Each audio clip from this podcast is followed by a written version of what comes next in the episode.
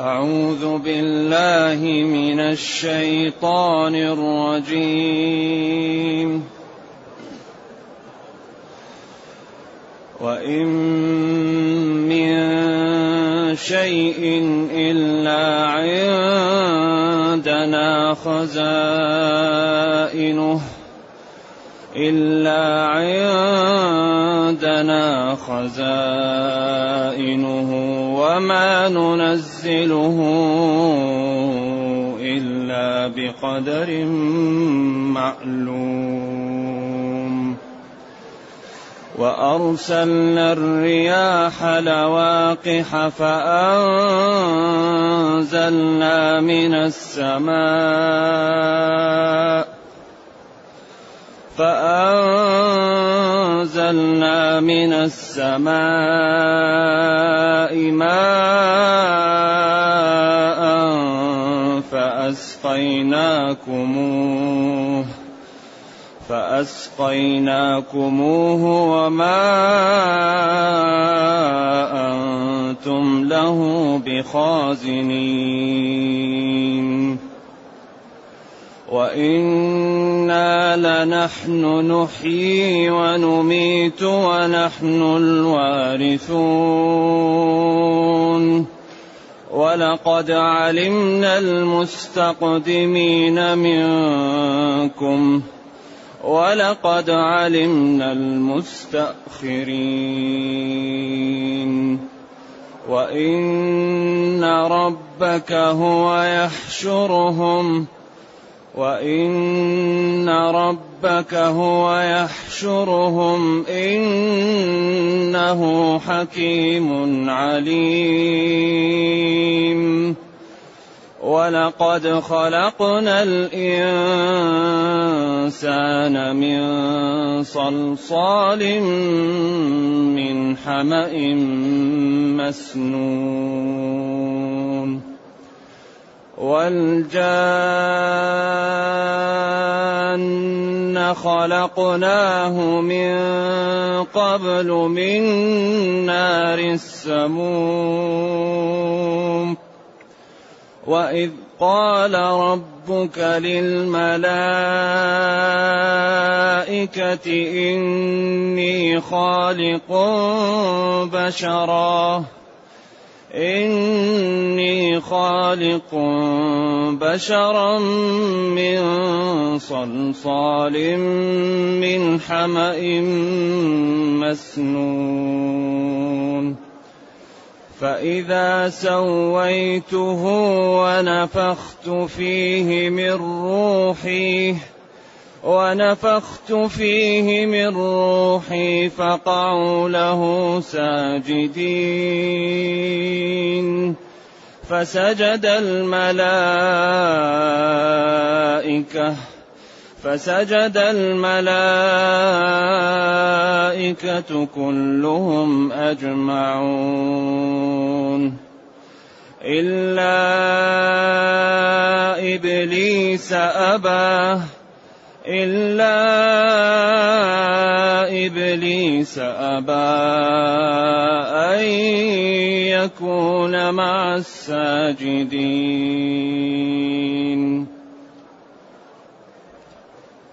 الحمد لله الذي أنزل إلينا أشمل كتاب وأرسل إلينا أفضل الرسل وجعلنا خير أمة أخرجت للناس. فله الحمد وله الشكر على هذه النعم العظيمة والآلاء الجسيمة. والصلاة والسلام على خير خلق الله وعلى آله وأصحابه ومن اهتدى بهداه. أما بعد فإن الله تعالى يبين في هذه الآيات قدرته وأنه هو الذي يعبد ولا يستحق العبادة إلا هو وأنه هو الذي يحيي الأموات وهي رميم. وهذا الذي كانت الكفار تنكره.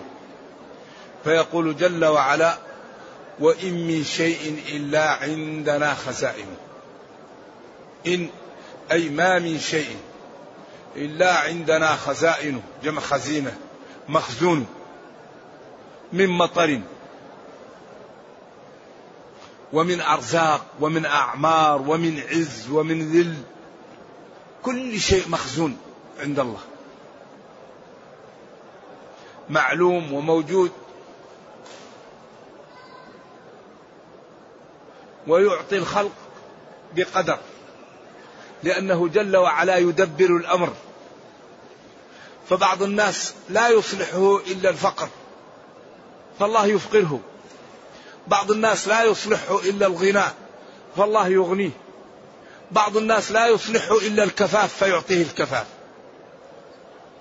أيوه. كل شيء عندنا خزائنه ونقدر الأمور ونعطي لكل واحد ما يصلحه. لذلك يدبر الأمر. الأمور يدبرها. كم من إنسان يسأل شيء وهلاك فيه وكم من إنسان يكره شيء ونجاة فيه. ذلك عسى أن تكرهوا شيئا وهو خير لكم وعسى أن تحبوا شيئا وشر لكم عسى أن تكرهوا شيئا ويجعل الله فيه خيرا كثيرا إذا كل شيء عندنا خزائنه ويدخل فيه دخول أولي المطر لأن السياق في المطر وفي هذا يدخل في هذه الخزائن المطر لأنه هو الصريح وهو الواضح الأمور الأخرى من باب العمومات إذا وإن من شيء ما من شيء إلا عندنا خزائنه لأننا نحن القادرون والأغنياء. وكل شيء عندنا كل شيء نملكه. لو نعطي أهل الأرض كل واحد مسألته ما نقص ذلك في ملك الله. ولو كفر أهل الأرض ما نقص ذلك في ملك الله. ولو آمنوا ما زاد ذلك في ملك الله. الكبير المتعال. الله. سواء منكم من أسر القول ومن جهر به ومن هو مستخف بالليل وسارب بالنهار. أمره إذا أراد شيئا أن يقول له كن فيكون. إذا ما من شيء إلا وعندنا مخزون خزائنه لذلك عنده مفاتح الغيب مخازن لا يعلمها إلا هو. إلا عندنا مخزون ومعلوم وما ننزله إلا بقدر معلوم. قدر معلوم لأن الله تعالى رحيم بخلقه. ولو بسط الله الرزق لعباده لبغوا في الأرض. ولكن ينزل بقدر ما يشاء. إنه بعباده خبير بصير. إن الإنسان ليطغى أن رآه استغنى. بعض الناس ما يتحمل. إذا لم يعطى يكفر فالله يعطيه رحمة به. ذلك كل واحد يدبر الأمر يفصل الآيات. كل واحد يدبر له أمره ويعطيه ما يحتاج. فلذلك المسلم يكل أمره لله ويعلم أن الله لا يريد له إيش؟ إلا الخير. وما ننزله إلا بقدر معلوم. ما ننزل هذا المطر وهذه الأرزاق وهذه الأمور إلا بقدر معلوم عندنا مكتوب. ثم بين قدرته الهائلة. قال وأرسلنا الرياح لواقح. لواقح هذه فيها إشكال عند العلماء. لأنها قالوا لواقح بمعنى ملاقح. وبعضهم قال لواقح هي على بابها لأنها هي لاقح لأنها هي التي تكون منتجة كما قال الريح العقيم. قال لاقح وقال عقيم. وقال لاقح بمعنى ملاقح لأنها هي التي تلقح المزن وتلقح السحاب فبإذن الله تعالى تمتلئ من المطر كالضرع. فالضرع إذا جاء الذي يريد أن يحلب يماري الضرع فيمتلئ من إيش؟ من الحليب من من من اللبن. كذلك كأن الرياح تماري المزن والسحاب فيمتلئ من الماء. تلقحه. فالسحاب فالرياح تحمل الحصى وتحمل البذور. وتحمل الأشياء فهي تلقح السحاب وتلقح الأشجار. إذا من يقدر على هذا إلا الله؟ إذا النتيجة ماذا أفرضوا الله بالعبادة ووحدوه واعلموا أن من كفر به سيبعث ويدخله نار جهنم. إذا هذا هذا المقصود. المقصود بيان قدرة الله تعالى وأنه قادر وأن الذي يكفر به يعاقبه وأن الذي يؤمن به يكرمه ويدخله الجنة. وما ننزل هذا المطر إلا بقدر معلوم. وأرسلنا الرياح لواقح إما ملاقح وإما لواقح أو ذو ذو تلقيح على الخلاف لأنه لأن هي كأن الرياح هي التي تلقح السحاب تلقح المزمع و و وقد يقال لاقح هي كما كما يقال عقيم. كما قال نهاره صائم أي صائم فيه. يعني يكون في الكلام مقتضى يقدر. وأرسلنا الرياح لواقح فأنزلنا من السماء ماء فأسقيناكموه وما أنتم له بخازنين. هذا الماء نزول نعمة عظيمة وتخزين نعمة أعظم. وكونه لا ينزل كأفواه القرب أو ينزل كقوالب الثلج. هذه رحمة بالخلق وقدرة هائلة. ولذلك قال لم ترى أن الله يزجي سحابا ثم يؤلف بينه ثم يجعله ركام فوق بعض. فترى الودقة المطر يخرج من خلاله كالغربان. رش رش. وإلا لو جاء كل مثل أفواه القرب ما لا يقع؟ لهلك الناس. ولو نزل البرد هذا الذي ينزل أحيانا لو نزل برد مثل قالب الثلج ونزلت على بيته وعلى إنسان قتلته. لكن هو يدبر الأمر. وأنزلنا من السماء ماء. ماء. طاهرا حلوا. مغذيا منعشا. فأسقيناكم. سقاه وأسقاه. كل منهم بمعنى. وقيل سقاه إذا أعطاه أن يشرب. وأسقاه إذا أسقى له إبله وزرعه. أسقى له إذا أعطاه من الماء ما به يسقي إبله وزرعه. وسقاه إذا أعطاه يشرب هو بنفسه وقلهما بمعنى واحد.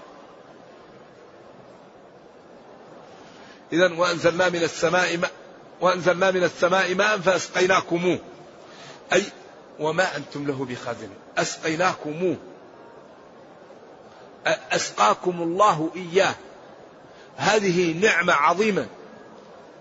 وما أنتم له ما تستطيعون تخزينه. من يستطيع أن يخزن هذا الماء؟ ولذلك يجعله في أماكن إذا احتجتوه تحفروا وتطلعوه أو يجعله لكم في أنهار أو في عيون. ولذلك إن أصبح ماؤكم غورا فمن يأتيكم بماء؟ لا أحد. إذا النتيجة ما هي؟ نشكر الله ونطيع الله ونستقيم. ونعلم آلاء الله الجسيمة علينا فلا نستعمل نعم الله في معصيته فنستعمل نعم الله في شكره السمع لا نسمع حرام البصر لا ننظر إلى حرام اللسان لا ننطق بحرام الفكر لا نفكر في حرام هذه النعم نستعملها إيش؟ في شكر الله وفي طاعته كما امتن الله علينا بها أنه أعطاها أعطانا إياها لنشكره. فقال جل وعلا وجعل لكم السمع والأبصار والأفئدة لعلكم تشكرون. أعطاكم موارد العلم لتكون سببا في شكر الله وفي طاعته. فلا نستعملها في المعصية لا ننظر إلى الحرام ولا نسمع حرام ولا نفكر في الحرام ولا نتكلم بحرام.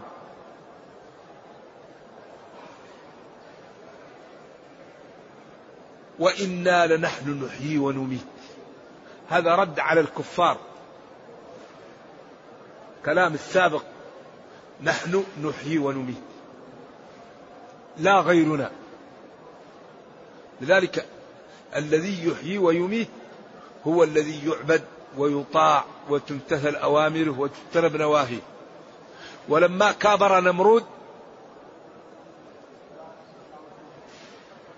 وقال له ربي الذي يحيي ويميت. قال له إبراهيم ماذا؟ ربي الذي يحيي ويميت. قال أنا أحيي وأميت. وأتى برجل وقتل وأتى برجل وقال له روح.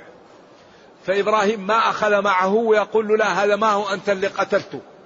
تركوا قال له طيب إن الله يأتي بالشمس من المشرق فأتي بها من المغرب. فبهت الذي كفر. قطع. الله أبهته لأنه هو كذاب يمكن يقول له أنا اللي أتيت بالشمس من المشرق خلي ربك يأتي من المغرب. لكن الله أبهته. لو يعلم لو قال هذا يقين أنه سيبهت. بهت. لذلك يعني من الأمور المهمة أن يعلم العبد أنه لا يعبد إلا الله وأن هذا الخلق بعد الموت سيبعثون وسيجازون وأن الذي لم يتنبه ويعد العدة قبل الرحيل من هذه الدار سيورط ورطة الذي لم يعد العدة في هذه الدار ورحل من غير انتباه سيورط ورطة لا يعلمها إلا الله. لذلك هذا القرآن كله الرحيل الرحيل البدار البدار بادروا انتبهوا. ويبين لك الناس اللي هلكت والناس اللي نجت وأدلة النجاة وأدلة الهلاك وأدلة الوحدانية ونعم الله عليك حتى تبقى على بصيرة من أمرك. لذلك هذا القرآن ماسح للكفر. لا يمكن يبقى الكفر مع القرآن. المحل الذي يقرأ فيه القرآن ويبين لا يبقى فيه ظلام. لذلك قال وأنزلنا إليكم نورا مبينا. نور نور. لا يبقى معها الظلام. الكفر ظلام. لا يبقى الكفر مع, مع, مع القرآن ومع تدبره ومع العمل به. لذلك حري بنا إيش؟ أن نعطي وقتا لهذا الكتاب. لا بد من وقت للقرآن. فإذا أعطيناه وقتا نفعنا وانتفعنا. وإذا كان كل واحد ما هو مستعد ليعطي وقت للقرآن من أين يفهم الأوامر ويفهم النواهي ويتخلق بالأخلاق ويتأدب بالآداب؟ لا بد من وقته وإنا لنحن نحيي ونميت. الله هو الذي يحيي ويميت. يحيي العظام وهي رميم. ويميت الناس. كل نفس ذائقة الموت. وإنما توفون أجوركم يوم القيامة. فمن زحزح عن النار وأدخل الجنة فقد فاز. وما الحياة الدنيا إلا متاع الغرور. فمن زحزح عن النار وأدخل الجنة فقد فاز. وما الحياة الدنيا إلا متاع الغرور. إذا الله جل وعلا هو الذي يحيي يحيي الخلق. ولذلك الله يضرب الأمثال. وأن الذي يخلق هو الذي يعبد وأنه يخلقنا خلق من بعد خلق في ظلمات ثلاث. ويقول ذلكم الله ربكم له الملك. لا إله إلا هو. فأنا تصرفون. أين تذهب العقول عن هذه القدرة الباهرة وعن هذه الحجج الساطعة وعن هذه البراهين؟ وقال يا أيها الناس ضرب مثل فاستمعوا له. إن الذين تدعون من دون الله لن يخلقوا ذبابا. أضعف خلق ذباب. ولو اجتمعوا له. وإن يسلبهم الذباب شيئا لا يستنقذون قالوا هذا فيه إعجاز. لأن الذباب إذا أخذ شيء حوله إلى إلى عنصر آخر. فما يقدر يؤخذ لأن الذباب إذا أخذ شيء يحوله إلى عنصر آخر. العسل هذا. يأخذ الزهور ويحولها إلى عنصر آخر. فلو اجتمع أهل الدنيا على أن يحولوا العسل إلى أصله الأول ما يقدروا.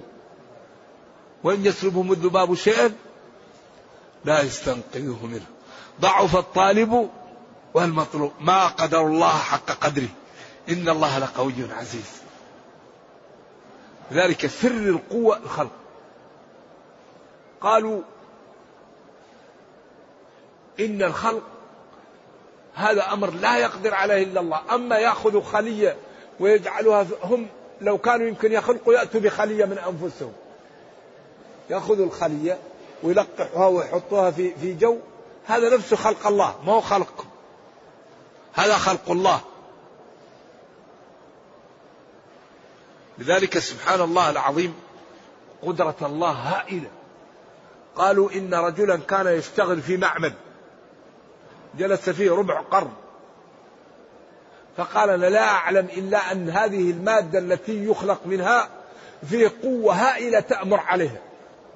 تقول لهذه المادة كن فيلا كن رجلا كن فارا كن ثورا كن خروفا كن تيسا. قال هذه المادة في قوة هائلة تأمر عليها. الله الله. قال هذه فيه مادة هائلة قوة هائلة تأمر على هذه المادة. فوق فوق البشر هذه قال قوة هائلة. ولذلك الله يقول أفمن يخلق كمن لا يخلق؟ اعبدوا ربكم الذي خلقكم. لذلك هذه براهين ساطعة وأدلة واضحة. والنتيج البدار البدار. النتيجة هي البدار البدار. الواحد يفتح يبادر يبادر قبل أن يفوت الأوان ويندم.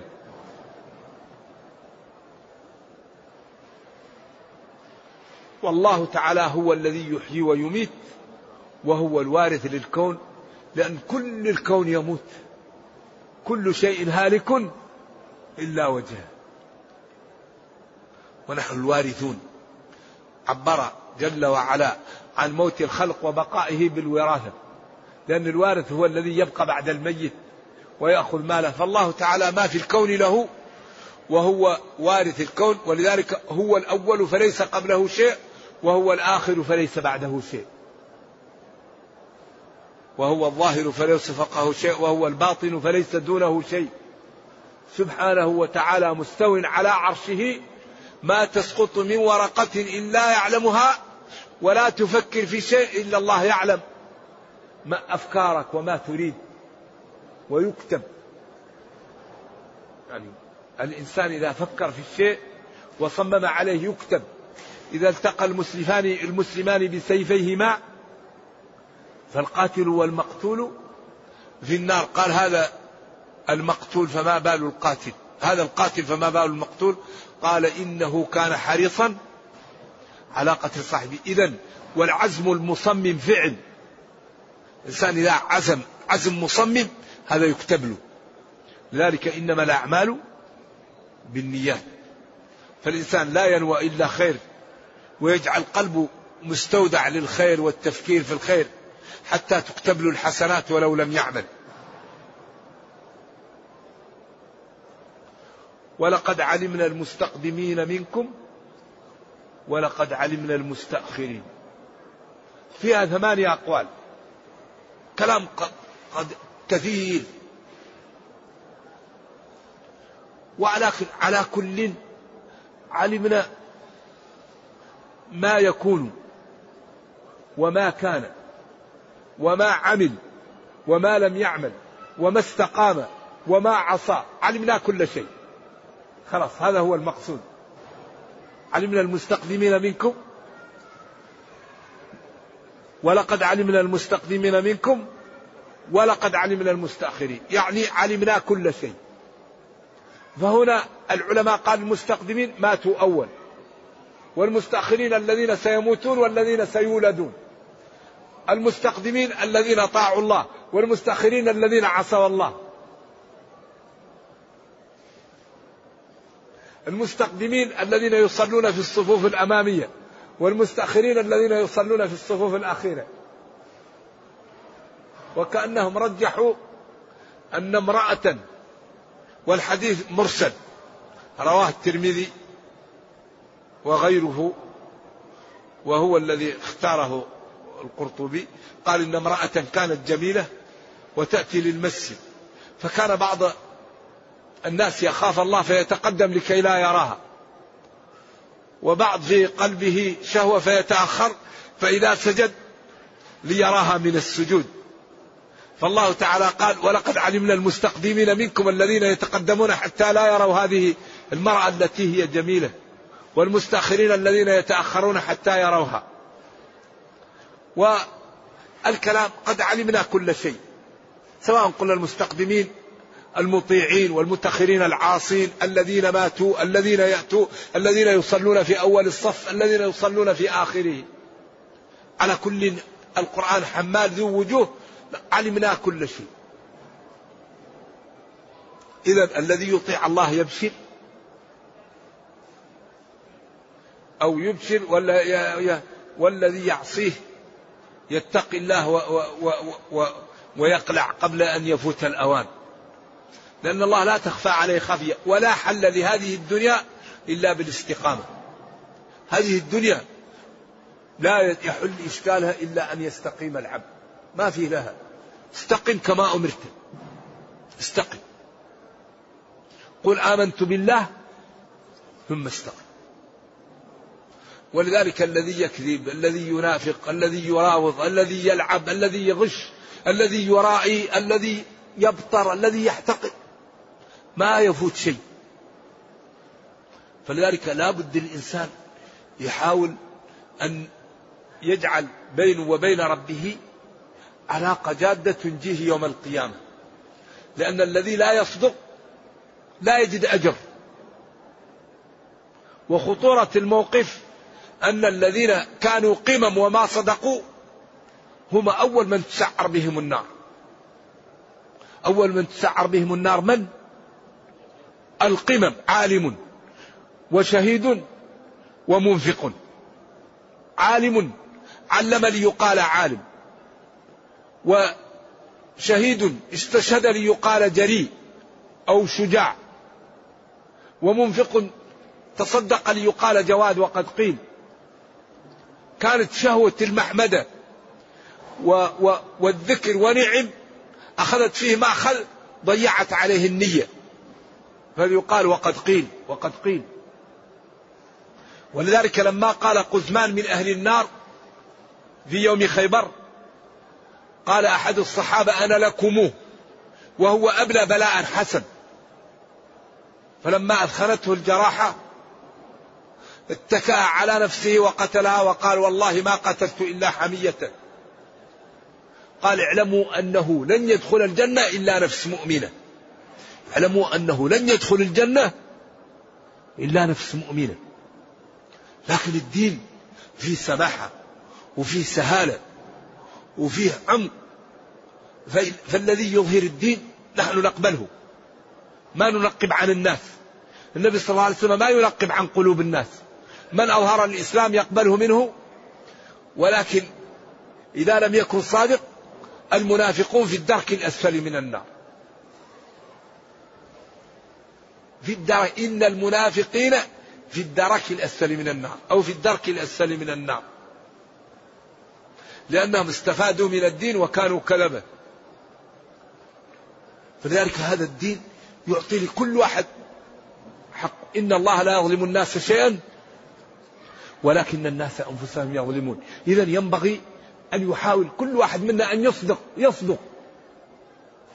الناس لا يمكن تنفعك ولا يمكن تضرك. الناس عاجزة. الله هو القادر. الله هو الكريم. الله هو اللي يعطيك أجر عملك. أما الناس كل واحد عاجز وفقير. فينبغي أن يشتغل. العاقل لمن يعطيه الأجر لمن يملك. الخلق لا يملكون. فينبغي أن نشتغل لربنا وأن نكابد الإخلاص. لأنه إذا لم نكابد الإخلاص ما نجد ما نجد الأجر. ولا بد أن نعلم لا بد أن نعلم المواصفات التي شرعها الله للعبادات حتى نأخذ الأجر كاملا في العبادات كثير من المسلمين لا يعطي الوقت للعبادات ليتعلمها حتى يؤديها على الطريقة التي شرعها بها ربنا. فتأتي العبادة ناقصة. فيكون الأجر ناقص أو معدوم. لا بد أن نؤدي العبادات على الطريقة المشروعة. حتى نأخذ إيش؟ نأخذ فيها أجرها كامل. إذا لا بد من الوقت لهذا الدين.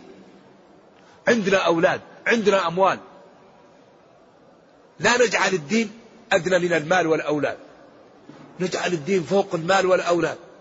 إنما أموالكم وأولادكم فتنة والله عنده أجر عظيم. ما تجدون من المتع في المال والولد أعظم منه ما عند الله من الأجر. لو اتقينا الله في المال والولد.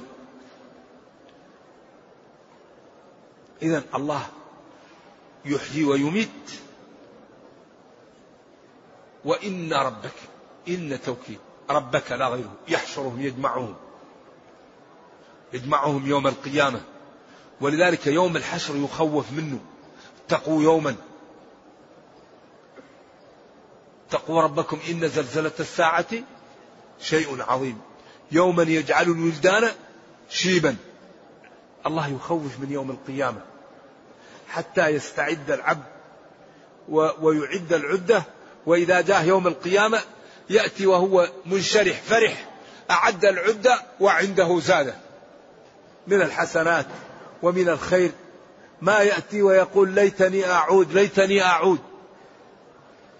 لذلك نبينا صلى الله عليه وسلم يا قال يا فاطمة سليني من مالي. يا عباس يا عم. لا أغني عنكم من الله من شيء. كل واحد إيش؟ ألا يأتيني واحد وله شاة يحملها على ظهره له رغاء. يا فلان انتبهوا. صلوات الله وسلامه عليه. لذلك بين ووضح. سليني من مالي. لا مالي سليني منه. أما هذا كل حسنات سيئة. فكل كل امرئ إيش؟ بما كسب رهين. كتاب لا يغادر صغيرة ولا كبيرة إلا أحصاها ووجدوا ما عملوا حاضرا ولا يظلم ربك أحدا. إنه حكيم جل وعلا. يضع الأمور في مواضعها. عليم لا تخفى عليه خافية. فالمطيع يعلمه يكرمه. ويدخله الجنة والعاصي يعلمه يعاقبه ويدخله جهنم والمضطر يسامحه. ديننا دين يسر.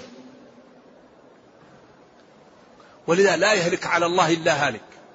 أي واحد يضطر أبواب الأمام مفتحة. وقد فصل لكم ما حرم عليكم. أي شيء تضطر له الله يسامحك. لكن الواحد يكون عنده مليار ويقول أنا مضطر للربا. عندك مليار إيش تبقى بالربا يا أخي؟ عنده مئة مليون ويقول لك لا أنا مضطر للربا. والله قال ذروا ما بقي من الربا. يعتدي على أموال الأيتام ويقول أنا مضطر. مضطر إيه؟ اترك عنك مال الأيتام. ولا تقربوا مال اليتيم إلا بالتي هي أحسن. عنده بضاعة تبقى تفسد يقول لك يا أخي أنا مضطر إذا ما إذا ما كتمت هذا. نخسر. عجيب. ولذلك هي الدنيا فتنة كلها ابتلاء. لتبلون ولنبلونكم. كل الدنيا ابتلاءات. ولذلك خلق الموت والحياة يبلوكم. إبراهيم نبي الله ولد واحد. لما صار يشتغل معه قال له يا عبدي خذ الولد واذبحه. ولد وحيد نذبحه كيف؟ يا بني إني أرى في المنام أني ورؤيا, ورؤيا الأنبياء وحي. قال له يا أبت افعل ما تؤمر ستجدني إن شاء الله من الصابرين. فلما أسلما الولد والأب وتله يعني نومه دزوا على الأرض. وناديناه أن يا إبراهيم وقد صدقت الرؤيا إنا كذلك نجزي المحسنين إن هذا لهو البلاء المبين.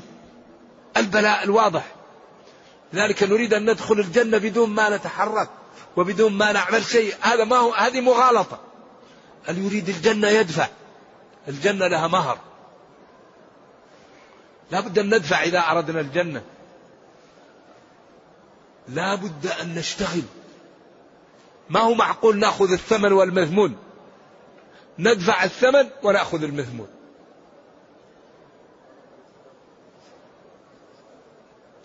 بعدين بين بداية الخلق ولقد خلقنا الإنسان من صلصال من حمأ مسنون. هي أطوار ولا تعارض بينها. يقال أن أخذ آدم من كل الأرض. كل الأرض. ولذلك فيه الأحمر والأبيض والأسود وفيه الطيب وفيه البطال وفيه الوسط. كل أنواع الأرض موجودة في بني آدم. الأحمر والأسود والأصفر والأخضر كل أنواع الأرض. وفيه الطيب وفيه السبخة وفيه المنبت وفيه الخير. أخذ من كل الأرض وبعدين بل هذا. فصار طين ولما صار طين ترك. حتى صار إيش؟ حمأ مسنون له رائحة. ثم بعدين جفف فصار صلصال. ثم صور لما صار طين ثم صار صلصال ثم نفخ فيه من روحه ثم الله جعل فيه الروح. فهو أطوار. ذلك أحيانا يقول من صلصال أحيانا يقول من تراب أحيانا يقول من حمأ مسنون أحيانا يقول من طين. هذه أطوار التي أرى. والصلصال هو الطين الجاف الذي إذا حركته يكون له صلصلة صوت. والحمأ هو الطين الذي له رائحة. لطول أن يبلل ويجلس مدة فيكون له رائحة للطين خاصة فيه. من حمأ مسنون. والجان خلقناه من قبل من نار السموم. أي من قبل آدم. من نار السموم من اللهب. وهنا وقفة طويلة مع إبليس. وإشكال صعب حله. اذكر حين قال ربك للملائكة اسجدوا لآدم. اذكر.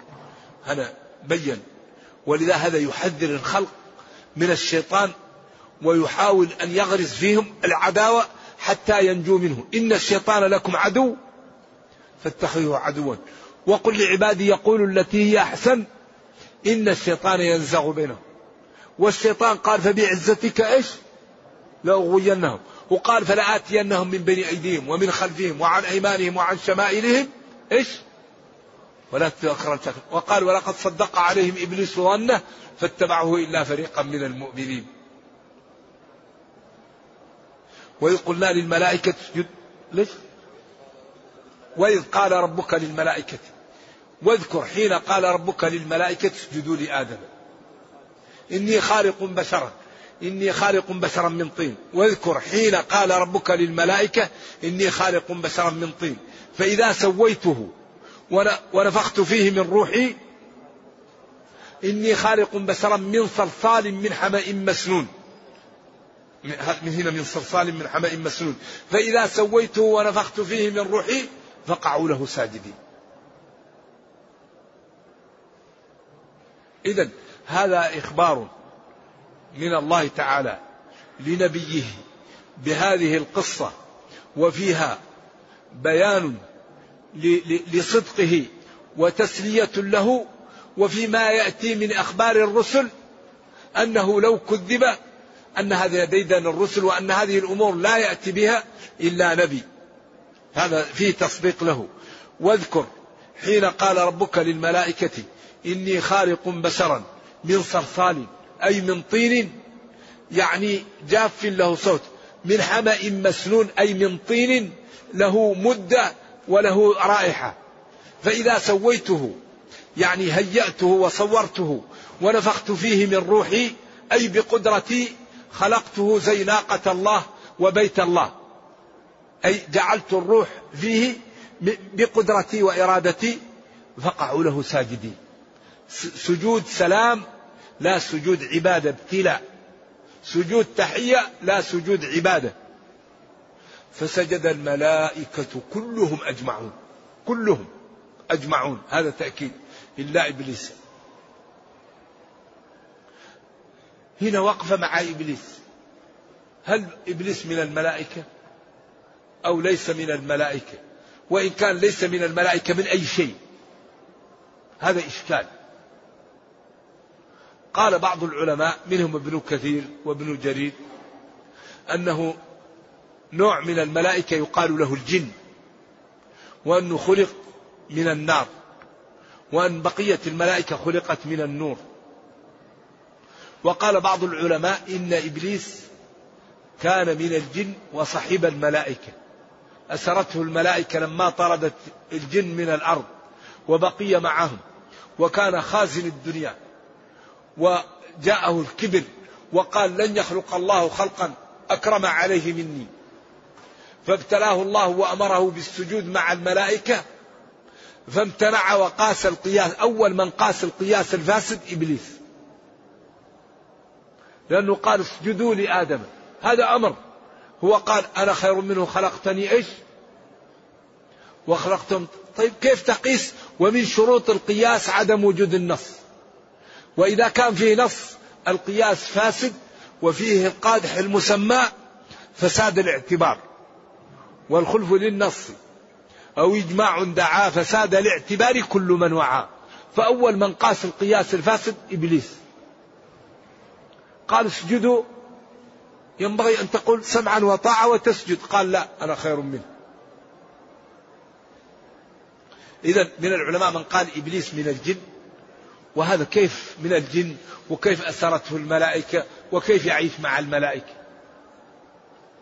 طيب قالوا إنه نوع من الملائكة يقال له الجن. وجعلوا الملائكة الذين هم عباد الرحمن وجعلوا بينه وبين الجنة نسبا أي الملائكة. والجن يقال لكل ما يجن كل ما يستر. والوالد رحمة الله عليه في, في الأضواء قال الذي يظهر أنه ليس من الملائكة. لأن الملائكة عباد مكرمون لا يعصون الله ما أمرهم. لأنهم معصومون. وإنما كان له عنصر آخر وأن عنصره هو الذي أودى به وضل أضله. لأن العنصر السيء يعني يجر صاحبه. وذلك المنبت السوء ما هو جيد. فإبليس منبت سوء فلذلك جره منبته. والله أعلم. وبالإمكان أن يرجع للآيات. وما عندنا إلا ما قال العلماء. نعم. ولو قلنا إنه جنس من الملائكة ويكون هذا استثناء ابتلاهم الله. وإن قالوا إن الزهر هذا كلام لا يصح. أن اثنين من الملائكة الذين قالوا لو ركبت فينا الشهوة وعملوا وأنهم هم الزهر هذا كلام كله باطل لا, لا يصح. فسجد الملائكة كلهم أجمعون إلا إبليس أبى أن يكون مع الساجدين. امتنع واستكبر أن يكون مع الساجدين. عياذا بالله فحل عليه غضب الله وجاء في الورطة وهو الآن كل ما سجد أبناء آدم وكل ما رأى الناس يوم عرفة يحزن حزن لا يعلمه إلا الله لما يرى من رحمة الله بخلقه وببني آدم. قال أمر آدم أن يسجد فسجد وأمرت بأن أسجد فامتنع فله الجنة ولي وللنار عياذا بالله. وأمر الملائكة أن يسجدوا فسجدوا وأمرت أن أسجد فلم أسجد وهو عياذا بالله يتحسر. نرجو الله السلام والعافية وأن لا يضلنا نرجو الله جل وعلا أن يرينا الحق حقا ويرزقنا اتباعه وأن يرينا الباطل باطلا ويرزقنا اجتنابه وأن لا يجعل الأمر ملتبسا علينا فنضل. اللهم ربنا أتنا في الدنيا حسنة وفي الآخرة حسنة وقنا عذاب النار. سبحان ربك رب العزة عما يصفون وسلام على المرسلين والحمد لله رب العالمين. والسلام عليكم ورحمة الله وبركاته. يقول إذا حج شخص عن شخص ما الأجرة؟ وهل يرجع كيوم ولدته أمه؟ أم هذا للشخص المحجوج عنه فقط؟ النبي صلى الله عليه وسلم قال الحج المبرور ليس له جزاء إلا الجنة. ومن حج فلم يرفث ولم يفسق. خرج من ذنوبه كيوم ولدته أمه. وقال جل وعلا فمن تعجل في يومين فلا إثم عليه ومن تأخر فلا إثم عليه لمن اتقى. أي فمن تعجل فذنبه مغفور ومن تأخر فذنبه مغفور لمن اتقى. والحج بالمال عن الغير خلاف الأولى إلا إذا كان الحاج محتاجا حاجة بينة وقلبه مليء بالإيمان وبالخير فيأخذ المال ويحج ويكون له الأجر وللمحجوج عنه الأجر. أما إذا كان الإنسان غير محتاج فالأولى أن لا يأخذ مالا على الحج لأن الله تعالى يغني وطرق كسب الرزق كثيرة. فأخذ المال لأجل الحج لأجل أن يأخذ الإنسان مال لا ينبغي أن يفعله إلا المحتاج. نعم. يقول إذا دخل شخص مع الإمام بنية العشاء ثم علم أن الإمام يصلي العشاء ماذا يفعل؟ هذا خطأ الظاهر إذا دخل مع الإمام بنية المغرب مثلا أو هل ينتظر الإمام أن يسلم أو يفارق الإمام؟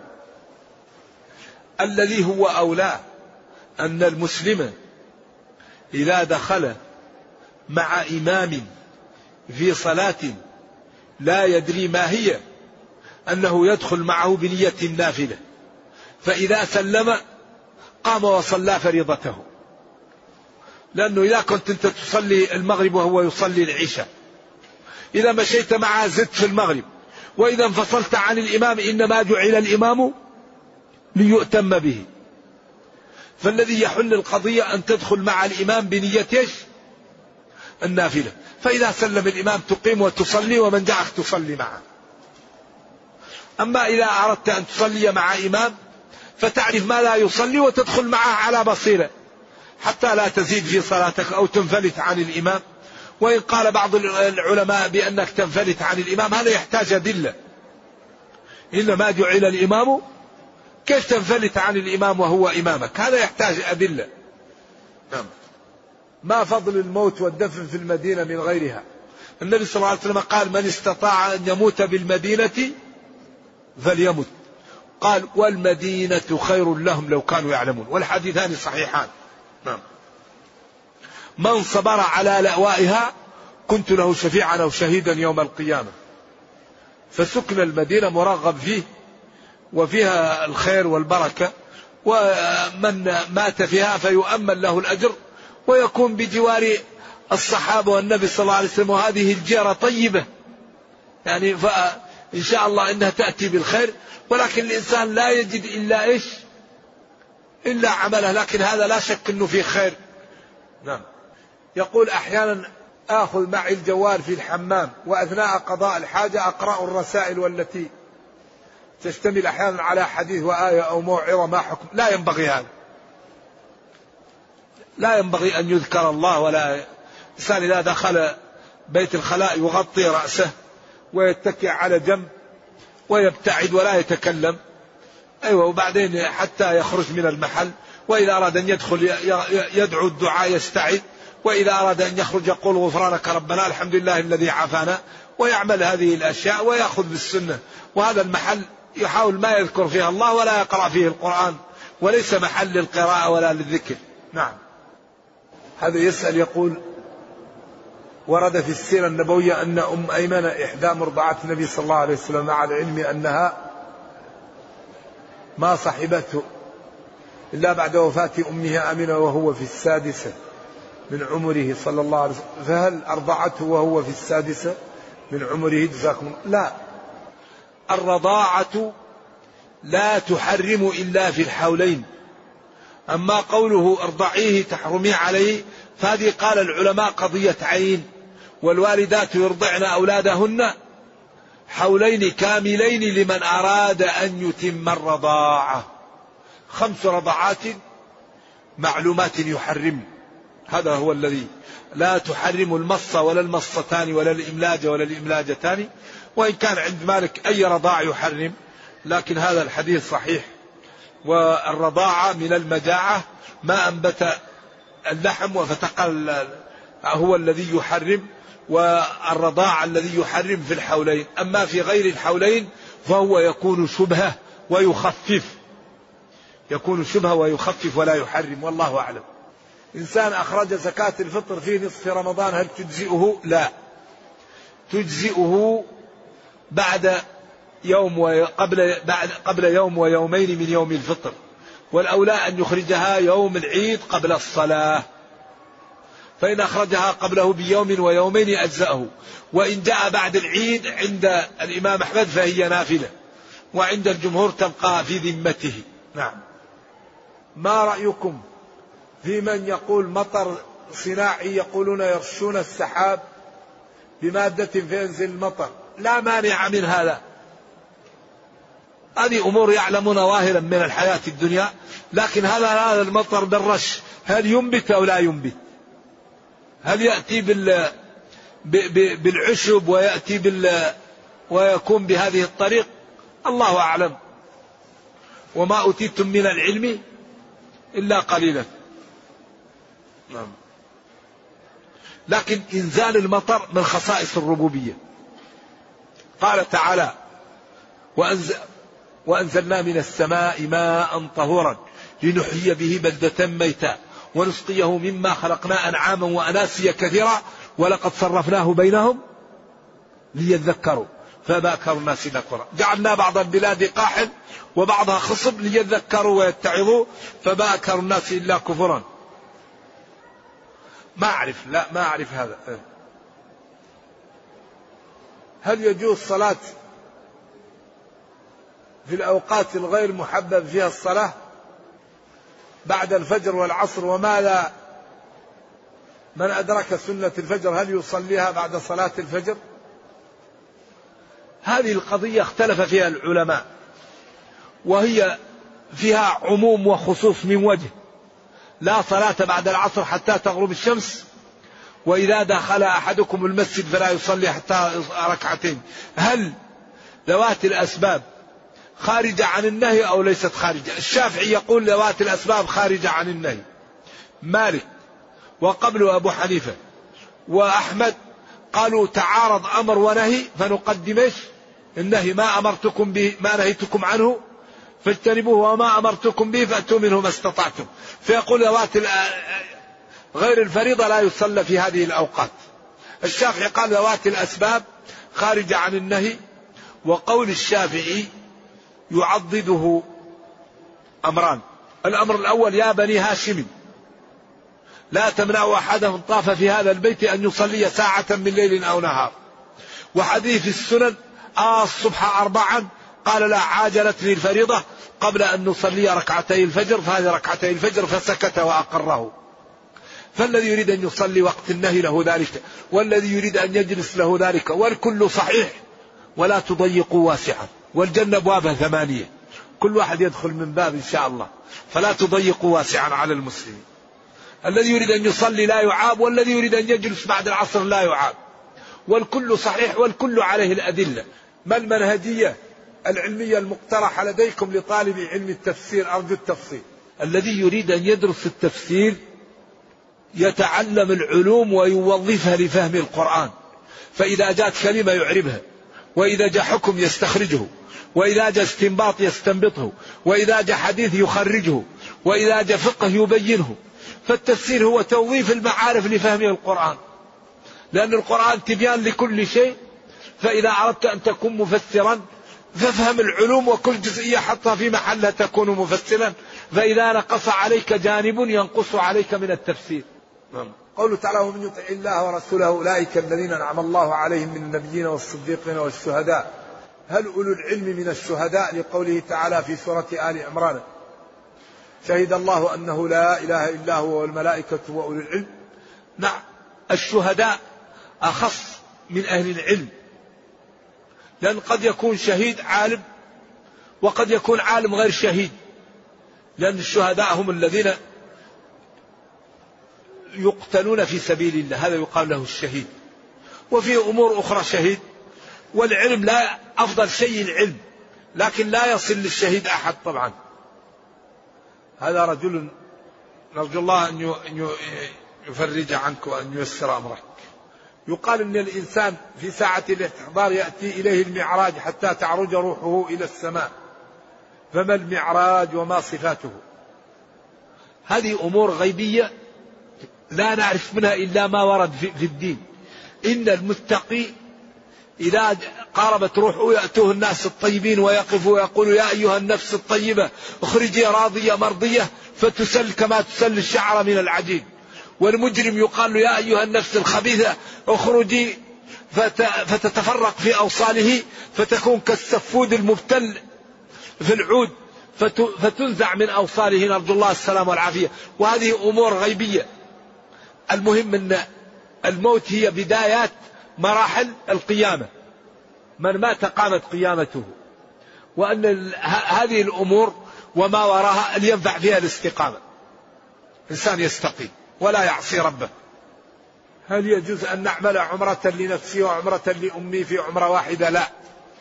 لا يعتمر الإنسان عن اثنين في عمرة ولا يحج عن اثنين في حجة كل واحد يحج عن واحد بس.